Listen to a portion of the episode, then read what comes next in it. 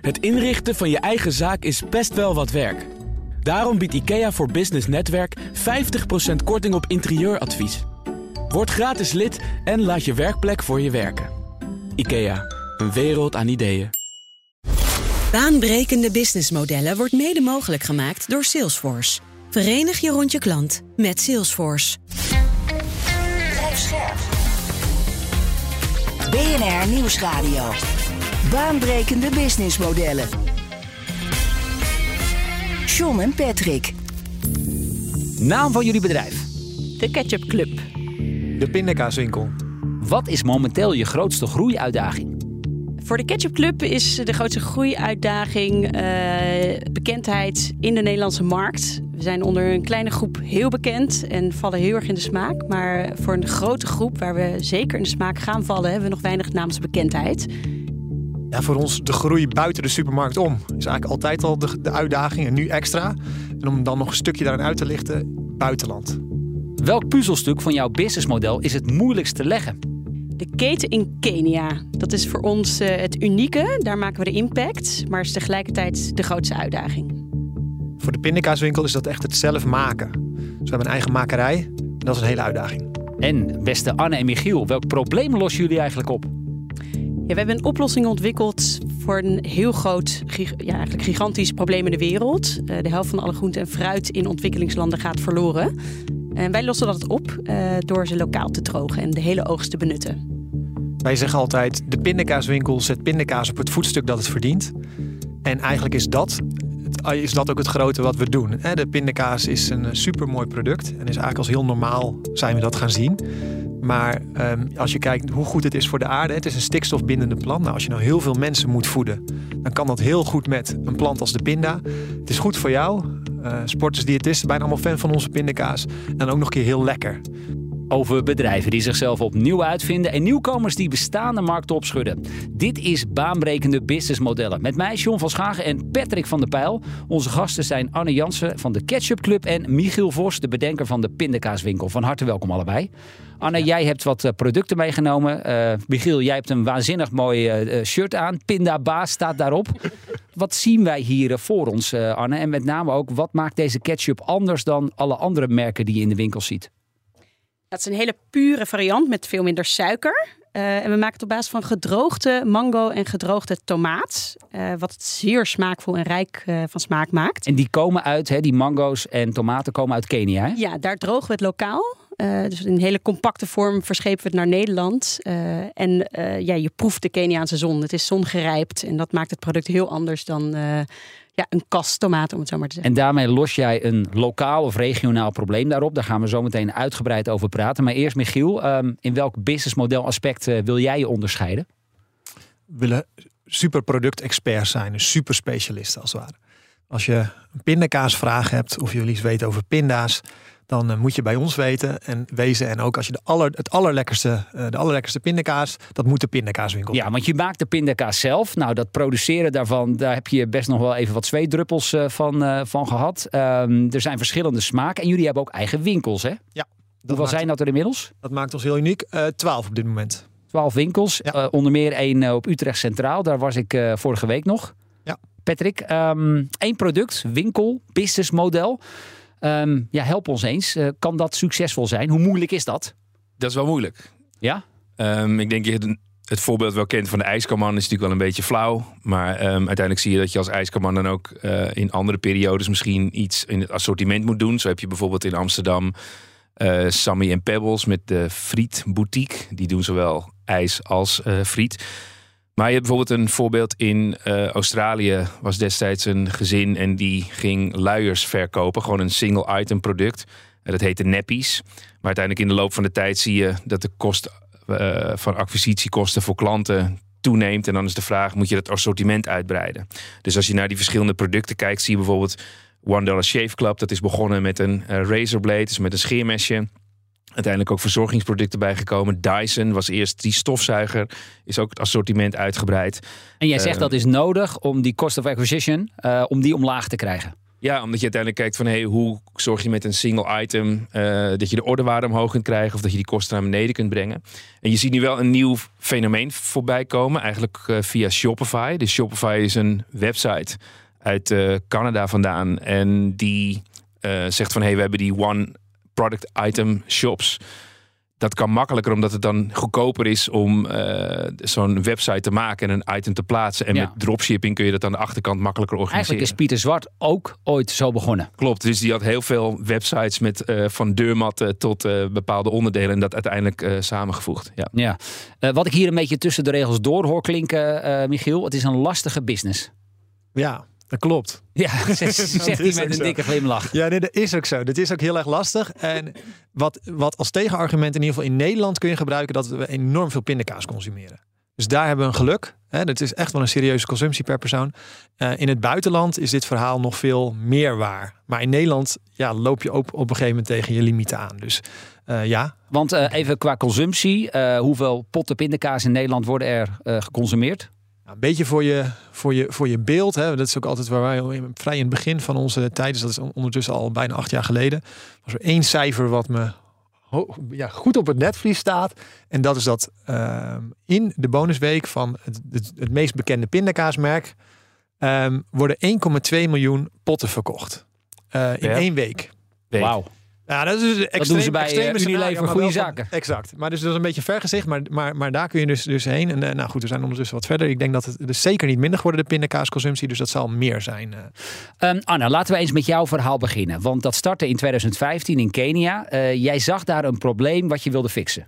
Ja, ja, en dat is inderdaad het verspillingsprobleem. Dus ongeveer de helft van alle groenten en fruit. Het is een inschatting. Niemand weet de exacte cijfers. Altijd lastig in ontwikkelingslanden. eh, gaat verloren. Want? Nou, eh, eigenlijk komt dat door een middleman die eh, de oogst van kleinschalige boeren lokaal verkopen. En die komen de ene dag wel opdagen, de andere dag niet. niet eh, betalen soms een goede prijs, maar vaak geen goede prijs.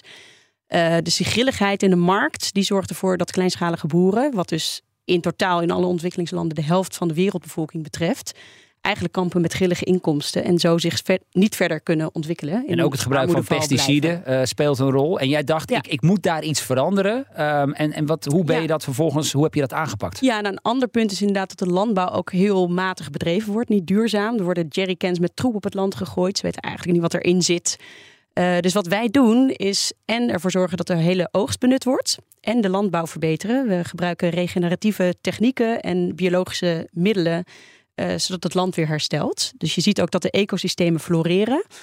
Met overigens, eh, dat trekt ook weer allemaal wildlife aan, omdat de rest verdroogt. Dus we hebben nu ook eh, een probleem twee weken geleden gehad met olifanten die de hele oogst verwoest hadden. Dus dat is even de keerzijde Oh, die we niet hadden zien aankomen. Maar het floreert en de boeren verkopen de hele oogst aan ons Ja. voor een vaste, eerlijke prijs. En daar maak jij dan vervolgens weer ketchup van. Dat Ja. hier inmiddels bij de Albert Heijn ligt, hè? Ja, bij de Albert Heijn is het nu eh, in het ketchupschap. Ja, eigenlijk heb jij twee bedrijven te runnen. Ja, ja, het is eigenlijk een NGO en een bedrijf samen. Dus dat eh, maakt het pittig, maar van de andere kant ook ontzettend mooi. Omdat je met ieder flesje ketchup directe impact maakt. Ja, en, en hoeveel duurzamer ben jij dan, dan laten we zeggen, een gemiddelde...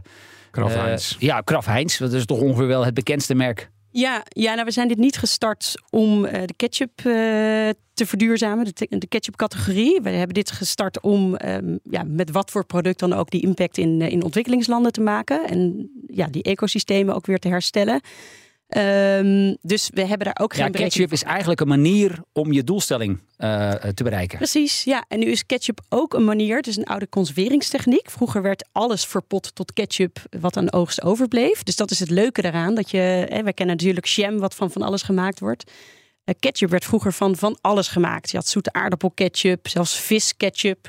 Eh nou, van alles wat overbleef werd ketchup gemaakt. En dat was een heel rijk sausje. En die ambacht, die zijn we weer aan het herontdekken. Dus we Want je hebt ook verschillende smaken. ja, ja we hebben nou, ja, op basis van tomaat en mango nu ketchups. Maar we kunnen ook op basis van ananas of avocado ketchup. Is echt heerlijk. Dus Avocado ketchup. Nou, ik zie Patrick al, eh, al kijken. Ja. En dat doe je inmiddels op welke schaal? Hoeveel eh, ja, van dat gedroogde spul nu, per week? eh, 12 ton tomaat per week. En dat, is, eh, dat vertaalt zich in ongeveer 5000 liter ketchup per week. Dus dat is uh, aanzienlijk. Wat komt er aan in Nederland? Is, zijn dat dan de potten of is het nog het gedroogde Nee, het gedroogde goed. Dus we proberen de footprint echt te verlagen. Dus die is ook echt minimaal, omdat we gedroogde goederen verschepen. En dan heb je eigenlijk geen water meer en geen glas. En dat is in tegenstelling tot wat andere, hoe andere merken dat doen? Nou, vermoedelijk de meeste ketchupmerken die kopen gewoon uh, tomatenpuree in vanuit China. En uh, het gaat de wereld over. Dus alle ingrediënten komen overal vandaan. Dat besef je niet als je zo'n fles koopt. Dan denk je, nou, dat, uh, wij benadrukken dat het uit Kenia komt om daar impact te maken. En dan krijgen we ook heel vaak de vraag: maar tomaten uit Kenia, hoe kan dat nou duurzaam zijn? Terwijl je eigenlijk vergeet dat bij andere producten er vaak heel veel verschepingen plaatsvinden. Ja. Uh, Michiel, jouw ondernemersverhaal begon ook rond uh, die tijd, 2015. Jij vond pindakaas lekker, zag toen Tony Chocoloni met allerlei nieuwe smaken op de markt komen. En jij dacht, dat ga ik thuis ook met pindakaas doen. Hoeveel steelpannen zijn er gesneuveld destijds? ja, best veel. Ja. ja, want dat speel koekt aan, hè? Dat, ja, maak maar eens een mooie karamel. Dat is best wel een uitdaging. Ik was een enorme pindakaas-fan, dus dat is misschien als achtergrond. Ik dacht van nou, ik was niet zo chocolade maar ik denk nou, een pindakaas met karamel en zeezout. Het was een soort van mijn grote eh, droom. Dat ik dacht van nou, dat moet fantastisch zijn. En uh, toen ging ik karamel maken, want ik dacht van ja, dan ga ik gewoon een pindakaas karamel zeezout. Maar goed, een karamel maken, dat is echt nog een hele kunst. Inderdaad, je, komt, je krijgt het moeilijk de koekenpan uit. Het is enorm kleverig. Dus allemaal met een hamer erin staan. Nou, dat kost je dus koekenpannen. Ja. En daarna heb je dan karamel, wat zo scherp is als glas. Dat kun je dus eigenlijk ook niet eten. En toen leek me dat toch wel heel dun om maar één smaak te doen. Kijk, dit moeten we wat breder aan gaan Toen ben je gaan uitbreiden. Juist. Hey, dan maken we even een sprongetje. Want jij maakt dan uh, kort daarna al pindakaas voor vrienden en familie. Doe dat in verschillende smaken. En als je een paar jaar later in Amsterdam gaat wonen... dan grenst jouw uh, appartement daar aan een winkelstraat, heb ik begrepen. En hier ben je potten voor het raam gaan zetten. Ging, ging dat meteen lopen? Nou, nog een, om, om een beetje helemaal. Dus ik, had, ik had dit idee, was er zeg maar. Ik was hiermee bezig, liet inderdaad de proef aan her en der. Nou, mensen vonden het leuk, maar ik was toen zat, was met andere dingen bezig, dus ik zat toen ook niet helemaal vrij erin. En toen kreeg ik inderdaad een appartement waar ik, uh, waar ik, uh, waar ik ging wonen. Met een soort van twee woonkamers, waarvan één woonkamer aan de winkelstraat zat. En toen met mijn toenmalige vrienden dacht van, nou laten we hier dan een klein pindakaaswinkeltje beginnen. En dat had ik eigenlijk als idee van een, een soort van etalage. En dat was dus al voordat we ook maar één pot hadden geproduceerd uh, voor de verkoop, was dat een, uh, een gigantisch uh, mediasucces. Ja, vooral het ging viraal, hè? Het ging viraal, ja. ja dat hadden we Wat maakte dat het viraal ging? De naam. Dat was het mooie van. Het was eigenlijk. Het was in de eerste dagen was het een oorverdovende stilte hoor. Toen die letters erop niemand die er op of omkeek. Maar toen pikte één blog het op en toen ging dat balletje rollen. Ja, dat was echt fantastisch. Als ik daar ook aan terugdenk, gewoon alle Ja. grote radiostations en dingen die kwamen gewoon Ja, bij me op soep. Waanzinnig. Dus iedereen wilde jouw pindakaas. Maar ja, jij had geen productiefaciliteit, niks. Kon, kon jij die drukte überhaupt wel aan? Nee. Nee, ik wa- was ook de eerste maanden was er geen pindakaas, want ik moest ook nog de vergunning voor de winkel, allerlei zaken eh, op orde krijgen voordat we überhaupt een pot pindakaas konden Ja, verkopen. want hoe lastig is het dan? Hè? eh, je moet die productie moet je uiteindelijk ook gaan schalen. Hè? Dus elke pot pindakaas moet hetzelfde smaken. De labels moeten goed zitten en dergelijke. Dat is volgens mij best wel even iets waar eh, je regelmatig zwetend van wakker wordt s'nachts. Klopt, klopt. Zeker in het begin. Ja, het is gewoon echt het wiel uitvinden. Want er is niet, kijk, in tegenstelling tot bier heb je wel van die thuisbrouwkits, maar bij pindakaas heb je dat niet. Dus het is echt alles eh, bedenken. Het voordeel wat ik wel had, ik, ik kom zelf van een boerderij en ik was wel gewend om met machines en dingen en praktische oplossingen te, eh, te creëren. Dus ik had er ook wel vertrouwen in dat het zou lukken, maar het was een enorme, enorme uitdaging en, eh, en heel frustrerend en langzaam ging het in het begin. BNR Nieuwsradio. Baanbrekende businessmodellen. Met deze keer de Ketchup Club en de Pindakaaswinkel. Zometeen meer, maar nu eerst weer een ander businessmodel in de spotlights. En dat doen we deze keer met John Lin. En hij wil het hebben over het verkopen van elektrische auto's. NIO heet het bedrijf. En het interessante van hun businessmodel is dat zij de auto verkopen zonder accu. Hierdoor is de auto een stuk goedkoper, want de accu is het meest kostbare onderdeel van de hele wagen. Eh, maar daarnaast verkopen ze jou dus een abonnement op het accu van ongeveer 100, 160 euro per maand. Nou, even uitleggen hoe dat dan in de praktijk werkt. Jij huurt een accu die op een gegeven moment bij je auto geleverd wordt. En die gebruik je zoals elke andere elektrische auto. Dus je kan thuis opladen, bij snellaadstations kun je opladen. Maar NIO heeft nu door Nederland ook tientallen eh, battery swap stations. Dus jij rijdt naar zo'n station toe, zo'n auto parkeert zichzelf erin en zij halen de accu onderuit. En schroeven binnen drie minuten een nieuwe accu erin. Eh, dus binnen drie minuten kan je van 5% naar 90% geladen zijn. Uh, zij wisselen dus die accu, want omdat jij geen eigenaar van de accu hebt, kunnen zij iedere andere accu voor jou eronder schroeven. Uh, dus je kan zelf thuis laden, maar ook de accu laten wisselen bij een van die wisselstations. En dat maakt de aankoopprijs ineens 20 tot 25.000 euro goedkoper. NIO wilde hiermee in Nederland een fiscaal voordeel halen. Want de auto goedkoper is dus minder bijtelling. Alleen daar ging de fiscus niet in mee. in China is het dus wel gelukt. Dus zij kunnen belastingtechnisch een goedkopere auto op de markt zetten. Waardoor jij veel makkelijker die accu kunt gebruiken. Uh, of ja, veel makkelijker die auto kan kopen. En het interessante is, die accu, omdat die niet voor jou is... alle zorgen die je normaal hebt bij een elektrische auto... waarbij de accu slechter wordt, dat je die accu goed moet beschermen... dat je de accu goed moet verzorgen... dat zijn allemaal niet meer jouw problemen. Dat is voor NIO. Dus stel je hebt een accu, die doet het minder goed, die begint te slijten... NIO wisselt die accu's om uit een pool. Daar zetten zij gewoon nieuwe accu's in zonder dat jij het door hebt. Uh, als er nieuwe technieken vrijkomen waarbij je sneller kan laden, waarbij accu's beter doen op lage temperaturen, die zetten zij in de pool en daar word je automatisch een mee geüpgrade. John Lin was dat. Bij ons zijn te gast Anne Jansen van de Ketchup Club en Michiel Vos. Hij is van de Pindakaaswinkel. Uh, en Anne, um, jouw product ligt sinds een paar maanden bij 700 filialen van Albert Heijn. Ja. Was het moeilijk om je daar tussen te wurmen? Hoe vertel eens hoe dat gegaan is? Nou, het is best een, we zijn al even bezig. Het is best een natuurlijk proces geweest. En de Albert Heijn die stond ook te springen om dat ketchupschap nu eindelijk nieuw leven in te blazen. Want ja, je ziet eigenlijk. Dat ziet er al jaren hetzelfde uit. Is goed, ja, ja, ik denk dat de pindakaasschap is een goed voorbeeld. Waarbij je vroeger natuurlijk gewoon de traditionele had. En toen op een gegeven moment was het smeug en met stukjes. En nu heb je na de caramel cecil tot en met uh, ik weet niet wat voor smaak. En dat zie je bij iedere categorie. Of dat nou boter, yoghurt, kruislies. Uh, of Tony Chocolonely die het, ketchup, het uh, chocoladeschap heeft veranderd. En dat gaan wij ook met het ketchupschap doen.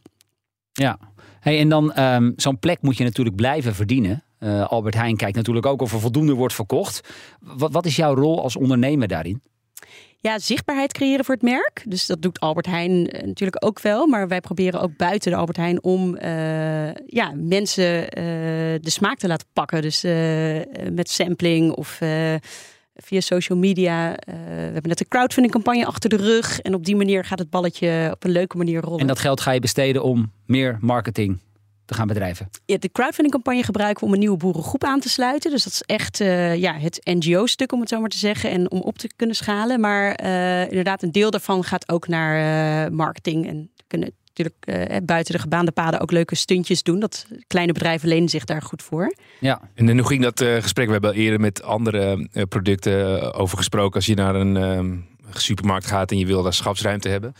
Um, aan de ene kant moet je dan in staat zijn om een bepaald volume ook te kunnen leveren. Uh, maar wat, ja. wat zijn dan bijvoorbeeld vereisten die je hebt? Uh, zeggen ze van we moeten er minimaal um, uh, drie per week op het schap kunnen verkopen. Um. Ja, je moet je supply chain op orde hebben. Dat hebben wij. We leveren al jaren Hello Fresh, wat ja, op dit moment nog steeds de grootste klant is. Ontzettend leuke klant die ook ja, echt vaste afname per jaar heeft. Uh, dus dat heeft ons heel veel stabiliteit gegeven en heeft ons geholpen om op te schalen. En we doen nu eigenlijk hetzelfde met de Albert Heijn levering. Dat we ook dus weer die nieuwe boerengroep aansluiten. En die supply chain die, die loopt goed. Dus dat was eigenlijk bij onze vink. Uh, maar wij waren de Ketchup Project. Zo kennen heel veel mensen ons denk ik uh, nog. We zijn zes jaar de Ketchup Project geweest. En nu gerebrand tot de Ketchup Club. En dat is ja, mede ja, dankzij Albert Heijn geweest. We wilden meer outstanding in het schap komen te staan met een uh, nieuw jasje. En weet je dan bijvoorbeeld wat een, een, een Kraft Heinz doet met hoe vaak die van het schap wordt gepakt versus uh, een iets minder bekend merk? Ja, we weten ongeveer de rotatiecijfers. Ja, en Heinz is natuurlijk uh, ja, de default. Mensen grijpen, ik geloof dat 75% van de mensen merktrouw zijn in sausen. Dus die kijken niet eens. Ik heb wel eens naast het schap gestaan, dan zie je dat mensen er blind langs lopen en uh, naar hun eigen vertrouwde merk grijpen. Um, maar dat is ook een leuke uitdaging om ja, eigenlijk iedereen zich bewust te maken van hun keuze. En hè, wat jij uit het schap pa pakt, dat bepaalt ook hoe de wereld wordt. En ja. wat, wat maakt voor jou dan een uh, interessante rotatie? Kan je er iets meer over vertellen? Wat is dan is dat dan vijf per week of is dat uh, vijf per dag? Of is dat ja, in ieder geval een aantal per week ja, van iedere smaak. En dat is denk ik ook wat wij uh, graag zien. Dat dat ketchupschap nieuw leven krijgt. Dus dat ook andere merken uh, een duurzamere productie hebben, maar ook meer kleur aan het schap gaan geven. Het is een ontzettend conservatief schap. 150 jaar wordt hetzelfde recept daar neergezet. Een plakkerig, suikerrijk goedje. En wij denken dat dat echt anders kan, zoals het ooit bedoeld was eigenlijk. Hey Michiel, jullie verkopen nu zo'n uh, 20.000 potten per jaar. Klopt dat aantal ongeveer? Nee, dat is... Uh, Iets dat meer? Is, Wel ietsje meer. We zitten tussen de 10 en 15.000 potten per week. Oh, oké. Ja, dus we hebben ons week is de gouden standaard. Ja, ja. Heb je nooit overwogen om de strategie van Anne te volgen? En eh, eh, nou, misschien ook gewoon je product in de schappen van Jumbo en de Appie. Want je maakt het jezelf nou ja, best lastig met, met die eigen Ja. winkels. Elk jaar, want dit is wat stevast komt dit, eh, dit, eh, dit weer naar voren als je de strategie voor, voor, voor, voor langere tijd uit, uit, eh, uitstippelt. Want de plek waar pindakaas gekocht wordt is de supermarkt. Ja. Niet een klein beetje. Dat is echt, dat is echt broodkruimels die, je- die je in de rest van de markt moet verzamelen. Dus we hebben dat ja, toch wel een heel aantal keer ook serieus overwogen. En ook elke keer durfden we het niet aan. Ehm, ik denk al heel kernachtig zijn we de type mensen die we zijn, houden we heel erg van onze vrijheid en onze koers kunnen varen. En geen compromis op kwaliteit. Dus bij de pindakaaswinkel moet je het allerlekkerste potje pindakaas wat je ooit gegeten hebt, moet, moet het zijn. Ja. En er is Maar heel dat veel over zullen ze toch ook bij de Albert Heijn, die zal dat toch ook zeggen? Natuurlijk, maar bij de Albert Heijn is het natuurlijk wel een, een, een, een, het spel van de grote getalen en, en grote machten. En, en ja, je moet wel wat gaan verdienen. Ja. Uiteindelijk. Dus de, Maar is dat heel moeilijk. in jouw dan- eigen winkels ook. Ik bedoel, anders dan hou je je businessmodel eh, niet overeind. Klopt. Dat is ook zo. Dus en de winkels zijn precies een, een gevoelig punt, want dat is een heel moeilijk businessmodel en heel moeilijk om daar ook wat te verdienen. De rest, eh, eh, dat gaat goed. We hebben ook een webshop en, en bakkerij en delicatessenwinkels waar veel verkrijgbaar Oh zijn. ja, die speciaalzaken hè, zijn Ja. ook een belangrijk afzetkanaal dat voor zijn, jullie. is een heel belangrijk afzetkanaal en ook onze online verkoop is, is, Ja. is heel belangrijk. Maar je zegt die eigen winkels, dat, is- dat is lastig. Ehm, Ik noemde net de winkel op Utrecht Centraal, die ik vorige week nog zag. En ja, is volgens mij echt wel een A-locatie. Daar zit je Ja. ook met een aanzienlijke huur. Dan moet je wel heel wat potjes pindakaas per dag verkopen. Klopt. En dat kan dus ook, want je geeft mensen echt een beleving. En ook als je kijkt waar we vandaan kwamen met de winkels en waar we nu staan. Ja, we hebben echt wel een winkel die goed is en eh, draait. Niet overal, maar op, op Utrecht Centraal, op Hoog Katerijn. Dat is echt gewoon een winkel die hartstikke goed draait. En waar heel veel... eh, En dan moet je wel, dan verkoop je wel een paar honderd potjes per dag. Of in ieder geval meer dan honderd. ja, we hebben daar... eh, we gaan de omzetten nu zitten tegen de 10.000 per week op zo'n locatie aan. Oké. Het is wel echt heel erg moeilijk. Dus ehm, inderdaad, als je kijkt, ehm, als het dan langs loopt, dan vraag ik me ook altijd af van hé, wat wordt er verkocht en wat is de gemiddelde ordewaarde? Gaat het over toeristen of ehm, zijn er klanten die steeds terugkomen? Ehm, wat maakt nou dat je echt uniek bent? Dus ik denk ook wel dat eh, wat je wel ziet in eh, onderzoek is dat je ook wel gemiddeld zeven verschillende smaken moet hebben, eh, zodat mensen ook keuze eh, hebben en dat je uiteindelijk steeds blijft eh, vernieuwen. Ja, want jullie hebben er nu hoeveel? We hebben tien vaste smaken, maar dat zijn Ja. stiekem wat meer. We noemen het altijd tien. En dan hebben we tijdelijke smaken, zoals nu is de pinda Klaas. Eh, een redelijke goede, goede klapper. Die hebben nu. Nou ja, goed. Hè? Ja, ja, pinda maar- Baas, Pinda ja, Klaas. Ja, ja, ze hebben zo- van die hele goede, sterke, sterke mensen op woorden hebben, we- hebben, we- hebben bij- binnen team. vaak degene die Ja. het meest gegeten wordt. Ja, ja, ja. Ja. ja.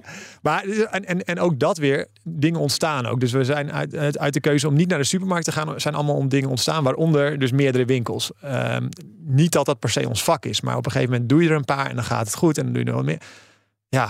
Eh, en dan zit je een beetje in de trein. En dan beter dat je er dan maar goed in wordt. Want anders is het heel, is Ja. heel vervelend. Maar dat betekent inderdaad dat je dus ook, je moet die A-locaties hebben om eh, de traffic te krijgen. Dus dan, ja, ja. Ja, Anne, zou het iets voor jou zijn? Eigen ketchupwinkels? Ketchupwinkel, ja. We hebben daar wel eens een, een ketchup... Dat je echt een, een, een, een... Hoe noem je dat ook weer? Zo'n kot, zo'n frietkot. Maar dan een ketchupkot waar je echt de, de traditionele, eigenlijk de classics serveert.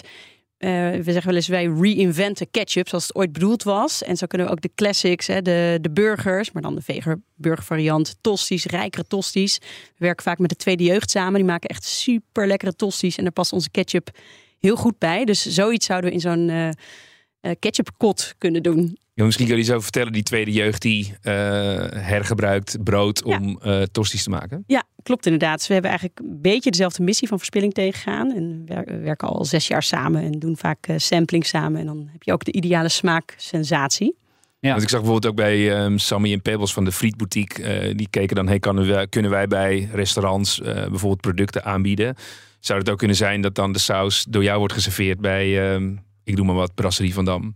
Ja, zeker. Ja, ja. Dus het is ook wel een markt waar je naartoe zou kijken om eh, misschien via eh, B2B dan in dit geval restaurants een naamsbekendheid te kunnen krijgen. ja zeker. En we leveren heel veel horeca. De Coffee Company, Anne en Max bijvoorbeeld. En daar starten we nu ook echt met signing. Nou, Coffee Company samen met de tweede jeugd. Komen dat is goed, grote stickers op het raam, zulke soort dingen. Om echt het merk eh, eh, ja, bekend te maken. En eh, mensen de smaak te laten pakken. Ja, krijgen. ja. Dus Ja. jij bent al eh, actief in de horeca. Michiel, daar zijn jullie nu ook naartoe aan het bewegen. Nou, dat is inderdaad een van mijn persoonlijke trots uh, afgelopen, afgelopen weken. Was inderdaad wel de, de launch van onze pindakaas dispenser. Dus wil jij een portie pindakaas op een uh, kostefficiënte en, uh, en milieuvriendelijke manier, dan kom, je, dan kom je bij ons uit. Want we zijn de enige die dat hebben. Dus we hebben een systeem ontwikkeld. Waar je kent misschien allemaal wel die plastic cupjes hè, die je veel bij hotels en bedrijfskantines ziet. Nou, dat mag niet meer. droog. Ja, is ook niet top. Ziet er ook niet uit eigenlijk, als je eerlijk bent. Als het niet vind ik. En daar hebben wij een, uh, een systeem over wat precies eigenlijk een portie tapt.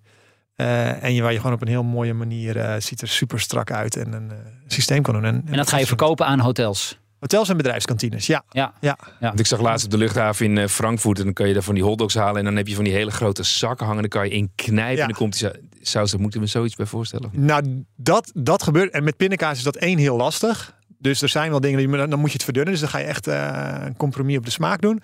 En uh, wij hebben een, een, een, soort van pompsysteem er, erin zitten.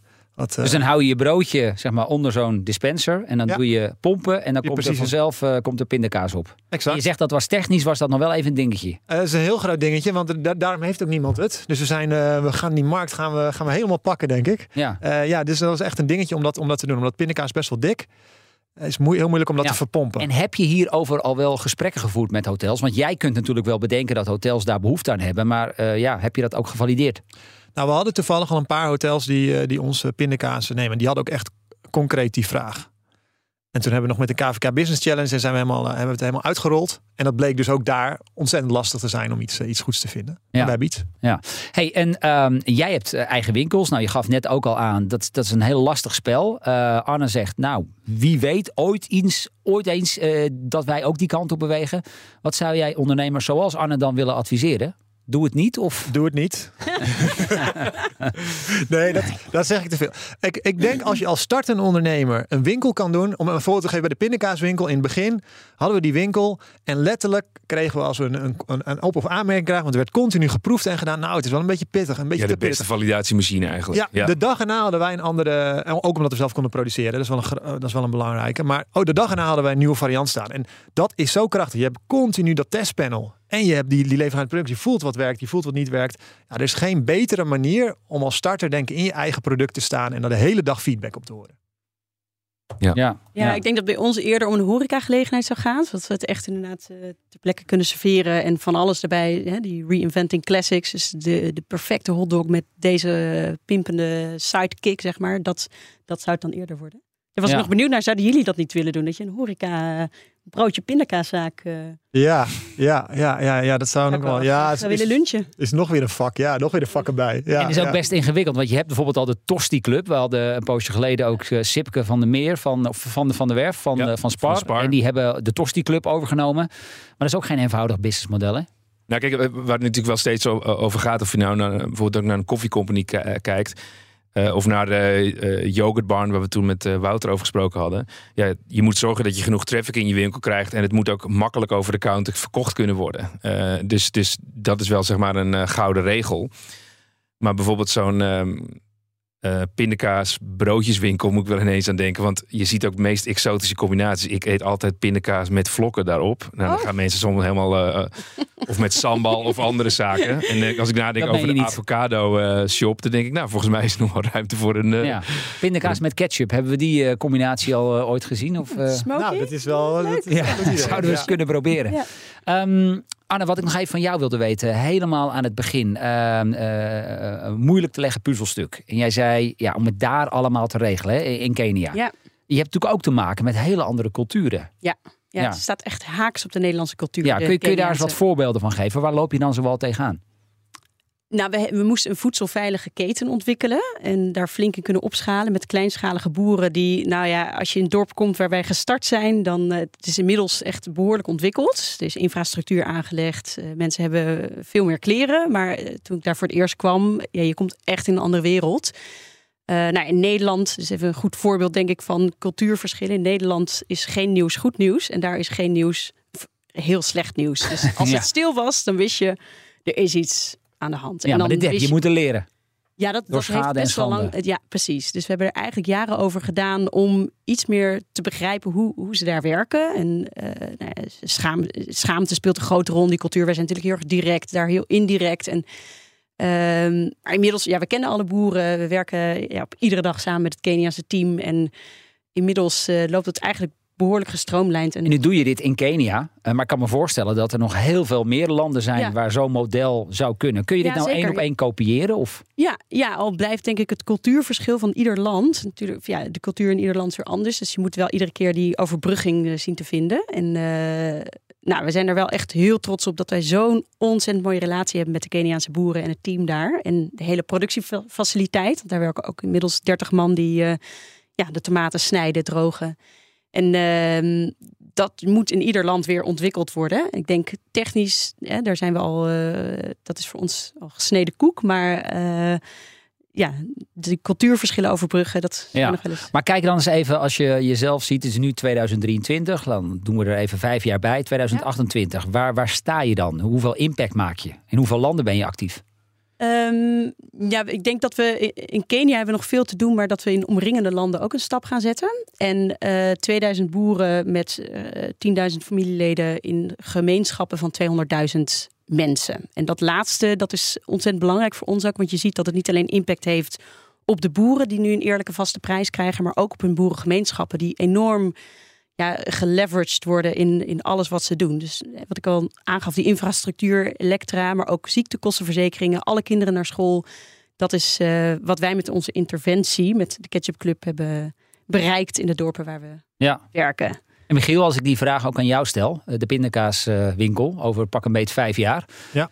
Qua aantal winkels, speciaalzaken, wel of geen horeca, wel of geen eh, eh, Albert Heijn, Jumbo. Hoe zie jij dat? Nou, ik zie als grootste verandering dat we eh, veel meer online en dan met name in het buitenland. Want nou, in het buitenland is pindakaas echt een niche. En ik denk dat je daar online die niche super goed kan bedienen. Zeker als de markt nog een keer eh, groot is. Dus ik denk dat we, dat we daar met name heel erg in gegroeid zijn. Dus in het buitenland.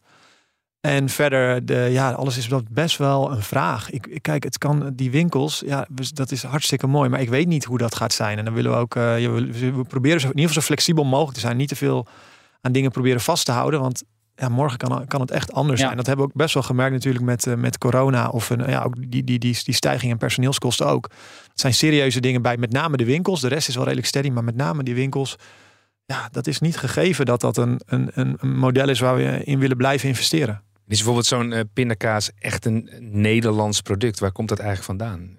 Ja, het is heel Nederland. Ja, je hebt, je hebt echt een aantal pindakaas etende landen. Amerika is natuurlijk een heel bekende. Engeland is ook een pindakaas etend land. En in Nederland en dan heb je, heb je wel een beetje. Je hebt meer die crème-achtige, toch? Die, Klopt. eh, ja, ja. Klopt. Het is echt meer een product, noem ik dat ook. Hè. Wat, wat wij maken is heel erg gemalen pinda. De Nederlandse pindakaas zit er een beetje tussenin. En Amerikaans is echt een product. En dat, dat, dat, nou, dat smaakt nog enigszins naar pinda, maar is vooral ook andere dingen. Ehm, ja, dus dat. eh, Ja. ja, daar zit Hebben ze bij Unilever ooit wel eens contact met je opgenomen? Of er misschien ergens nog over te praten valt? Unilever zelf niet, nee. Nee? Maar wel andere partijen? Nou, het is wel leuk, want toen, toen we net kwamen, toen eh, was er een crisisteam opgericht in, eh, dat is een hele grote pindakaasmaker, Intersnack. En eigenlijk was het, het doel van hoe kunnen we de pindakaaswinkel zo snel mogelijk weer wegkrijgen. Want eh, wij maken alles zelf. En daar zetten allemaal technieken bij en daar doen we toppingen op. En dan kunnen ze absoluut niet in zo'n fabriek. Dat is een, dat is een, daar hebben ze nachtmerries van als je, als je zo'n scenario voorschrijft. Dus ze wilden dat, dat we zo, want ze schrokken in één keer van, van al de aandacht. Ze denken van zometeen wordt dit de markt. En dan kunnen we niet mee. Dus die willen eigenlijk zo snel mogelijk de pindakaaswinkel weer weg hebben. Nou goed, we zijn heel bescheiden gebleven en eh, relatief klein. Mooi. Eh, Michiel en Anne, dank jullie wel eh, voor jullie komst naar de studio. Eh, en dat jullie nog maar heel veel ketchup en pindakaas mogen verkopen de komende jaren. Ehm, Patrick en ik zijn er uiteraard volgende week weer. Nou, wil je voor die tijd al meer luisteren? Check dan ook onze andere afleveringen die je vindt op vrijwel alle bekende podcastkanalen. Tot volgende week. Baanbrekende businessmodellen wordt mede mogelijk gemaakt door Salesforce. Verenig je rond je klant met Salesforce. Het inrichten van je eigen zaak is best wel wat werk. Daarom biedt IKEA voor Business Netwerk 50% korting op interieuradvies. Word gratis lid en laat je werkplek voor je werken. IKEA, een wereld aan ideeën.